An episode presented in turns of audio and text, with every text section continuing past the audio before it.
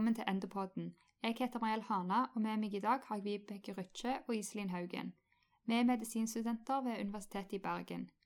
Hva skal vi snakke om i denne episoden, Iselin? Jo, i dag skal vi snakke om en svært underdiagnostisert tilstand som fører til høyt blodtrykk, nemlig primær hyperaldosteronisme, som forkortes PHA. Faktisk er det anslått at 5-12% av alle med hypertensjon har denne tilstanden. PHA kalles også KONS-syndrom, etter legen som først beskrev tilstanden i 1954. Vi skal i denne episoden gå gjennom hva PHA er, når man skal mistenke det, symptomer, funn, utredning, behandling og prognose. Da kan vi vel begynne med hva er egentlig primær hyperaldosteronisme? Kanskje du, Vibeke, kan svare på det? Det kan jeg. Som man kan forstå ut fra navnet, så er det en tilstand med for mye av binyrehormonet aldosteron. Aldosterons viktigste funksjon er å øke natriumreabsorpsjonen eh, i nyrene og øke utskillelsen av kalium. Ordet primær vil si at aldosteron skilles ut autonomt, altså uavhengig av de normale reguleringsmekanismene. Normalt stimuleres aldosteronproduksjonen via RAS, eller renin-angiotensin-aldosteronsystemet, og av høye kaliumnivåer. Hos friske personer blir allosteron normalt nedregulert ved hypokalemi. Men siden aldosteronutskillelsen er autonom ved pH, så kan man få lave kaliumnivåer. Så hvordan fører dette til et høyt blodtrykk, og hvor alvorlig er hypokalemien? Jo, når man sparer på mer natrium, vil man også indirekte spare på vann. Dette fører til at ekstracellulære øker, som igjen gjør at blodtrykket øker. Hypokalemien ved pH varierer fra helt mild til alvorlig, men bare et mindretall har verdier under nedre referansegrense. Så de fleste har normale kaliumnivåer, men ofte i nedre halvdel av normalområdet. Så det vanligste er at pasienten bare har hypotensjon uten andre symptomer eller kliniske funn. Men hypertensjon er jo veldig vanlig, og det er estimert at over 1 milliard mennesker i verden har hypertensjon. Når skal vi mistenke PHA, Iselin? Det finnes retningslinjer for når man bør utrede for PHA, og disse finner man i Nasjonal veileder i endokrinologi. Men vi kan også gå gjennom de kort her.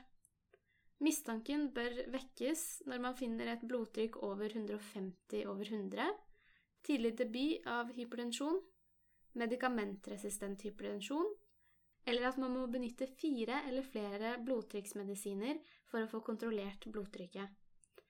I tillegg skal man mistenke PHA ved hypertensjon sammen med hypokalemi, binyreincidentalom, søvnapné eller cerebrovaskulære hendelser før 40 år. En familiehistorie kan også gjøre at man bør utrede for PHA særlig dersom man har førstegradsslektninger med PHA eller familiær opphopning av hypertensjon. Du nevnte binyreinsidentalom. Er det fordi PHA kan skyldes et aldosteronproduserende adenom i binyrene? Det stemmer. PHA eh, skyldes i de fleste tilfeller enten, som du sa, et aldosteronproduserende adenom i den ene binyren, eller hyperplasi av binyrebarken i begge binyrene. Dette er veldig viktig å skille, fordi det har avgjørende betydning for behandling. Hva er det som er vanligst? Bilateral adrenal hyperplasi står for 60-70% av PHA-tilfellene, mens aldosteronproduserende adenomer utgjør bare 30-40% Si at man har en hypertensiv pasient i allmennpraksis der vi mistenker PHA. Hvordan starter man den utredningen?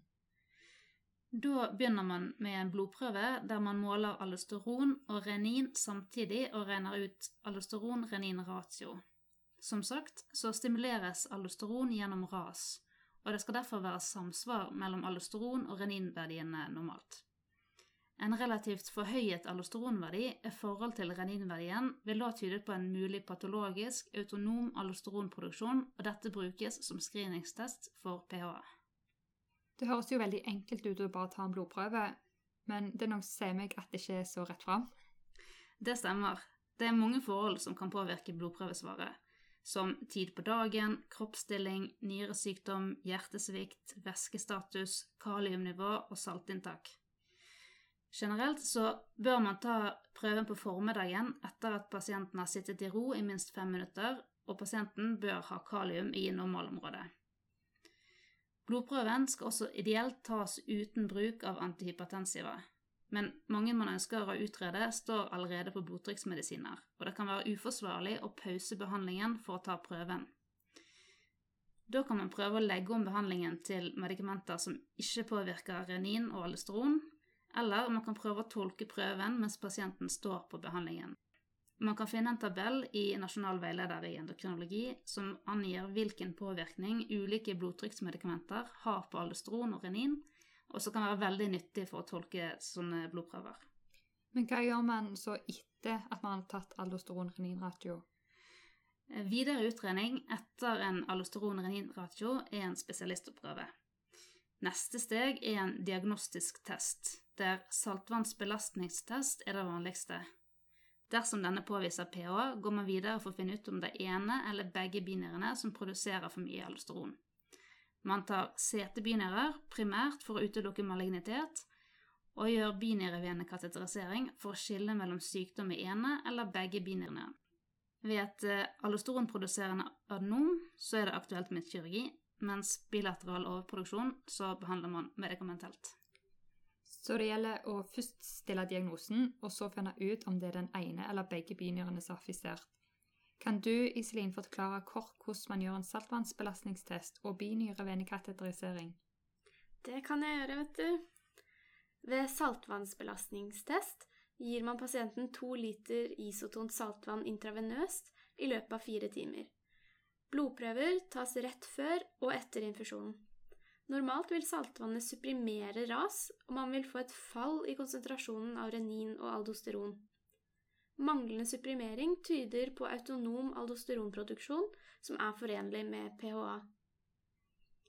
Binyrevenekateterisering går ut på at man fører kateteret inn i begge binyrevenene via lysken og tar blodprøver.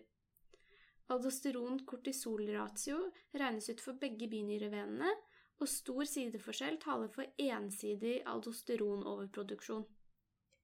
Sånn som jeg snakket om tidligere, så tyder en ensidig overproduksjon på et aldosteronproduserende binyreadenom, og at dette forekommer i rundt 30-40% av tilfellene. Du nevnte tidligere, Vibeke, at dette kunne behandles med kirurgi. Ja, det stemmer. Dersom PA skyldes et adenom, så er et kirurgi anbefalt. Da fjerner man hele den syke binyren. Normalisering av blodtrykket skjer hos 20-60% mens studier har vist at eh, biokjemisk normalisering av eh, aldosteronproduksjonen og eventuelt en hypokalemi skjer i hele 94 av tilfellene. Selv om blodtrykket ikke skulle bli helt normalt, så vil man etter operasjonen som oftest få en blodtrykkssykdom som er betydelig lettere å behandle. Det kan f.eks. være nok med én istedenfor fire medikamenter for å oppnå et godt regulert blodtrykk. Det høres jo veldig bra ut, men hva gjør vi med de som har bilateral overproduksjon? Du sa, Iselin, at dette gjaldt 60-70 av pasientene. Eh, ja, altså ved sykdom i begge binyrene, eller dersom kirurgi er kontraindisert, så er det livslang medikamentell behandling som gjelder. Førstevalget er spironolakton, som er en aldosteronantagonist og hemmer aldosteron sin saltretinerende effekt. Men spironolakton kan også binde seg til androgenreseptoren og kan spesielt i høye doser gi bivirkninger som kan gi gynekomasti, impotens og menstruasjonsforstyrrelser. Medikamentet eplerenon har kortere halveringstid, men har ikke disse bivirkningene. Eh, både spironolakton og eplerenon har generelt god effekt på blodtrykket ved PHA, men det kan være behov for andre blodtrykksmedisiner i tillegg. Man anbefaler et begrenset inntak av salt via kosten i tillegg til medisiner. Det høres jo ut som at behandlingsmulighetene er ganske gode. Hva er konsekvensen av å ikke behandle PHA? Jo, en viktig grunn til å utrede for å behandle PHA er at pasienter med PHA har en økt risiko for bl.a. kardiovaskulær sykdom, nyresykdom, metabolsk syndrom og diabetes type 2. Denne risikoen er markert høyere ved pH sammenlignet med essensiell hypertensjon, altså den vanlige formen for hypertensjon. Grunnen til at denne risikoen er økt, er at det finnes reseptorer for allosteron i mange andre organer enn nyrene i kroppen, deriblant hjerte og blodkar. Ved høye nivåer av allosteron så vil dermed også disse organene bli påvirket. Men det er gjort gode studier som viser at risikoen for organkomplikasjoner reduseres med korrekt, god PHA-behandling. Så det er altså viktig å utrede og behandle disse pasientene. Så for å oppsummere litt, så anslår vi at 5-12% av hypertensive pasienter har primær hyperaldosteronisme, og tilstanden skyldes en overproduksjon av aldosteron. Dette er enten pga. et hormonproduserende adenom i den ene binyren eller hyperplasi i begge. Høyt nivå av aldosteron fører til en reabsorpsjon av natrium og vann i nyrene, som igjen fører til hypertensjon. Dette kan òg føre til hypokalemi. Man bør utrede hypertensive pasienter med hypokalemi, binyreinsidentalom, tidlig debut, familiær opphopning, førstegradsslektninger med PHA, medikamentresistent hypertensjon eller hypertensjon som behandles med mange medikamenter.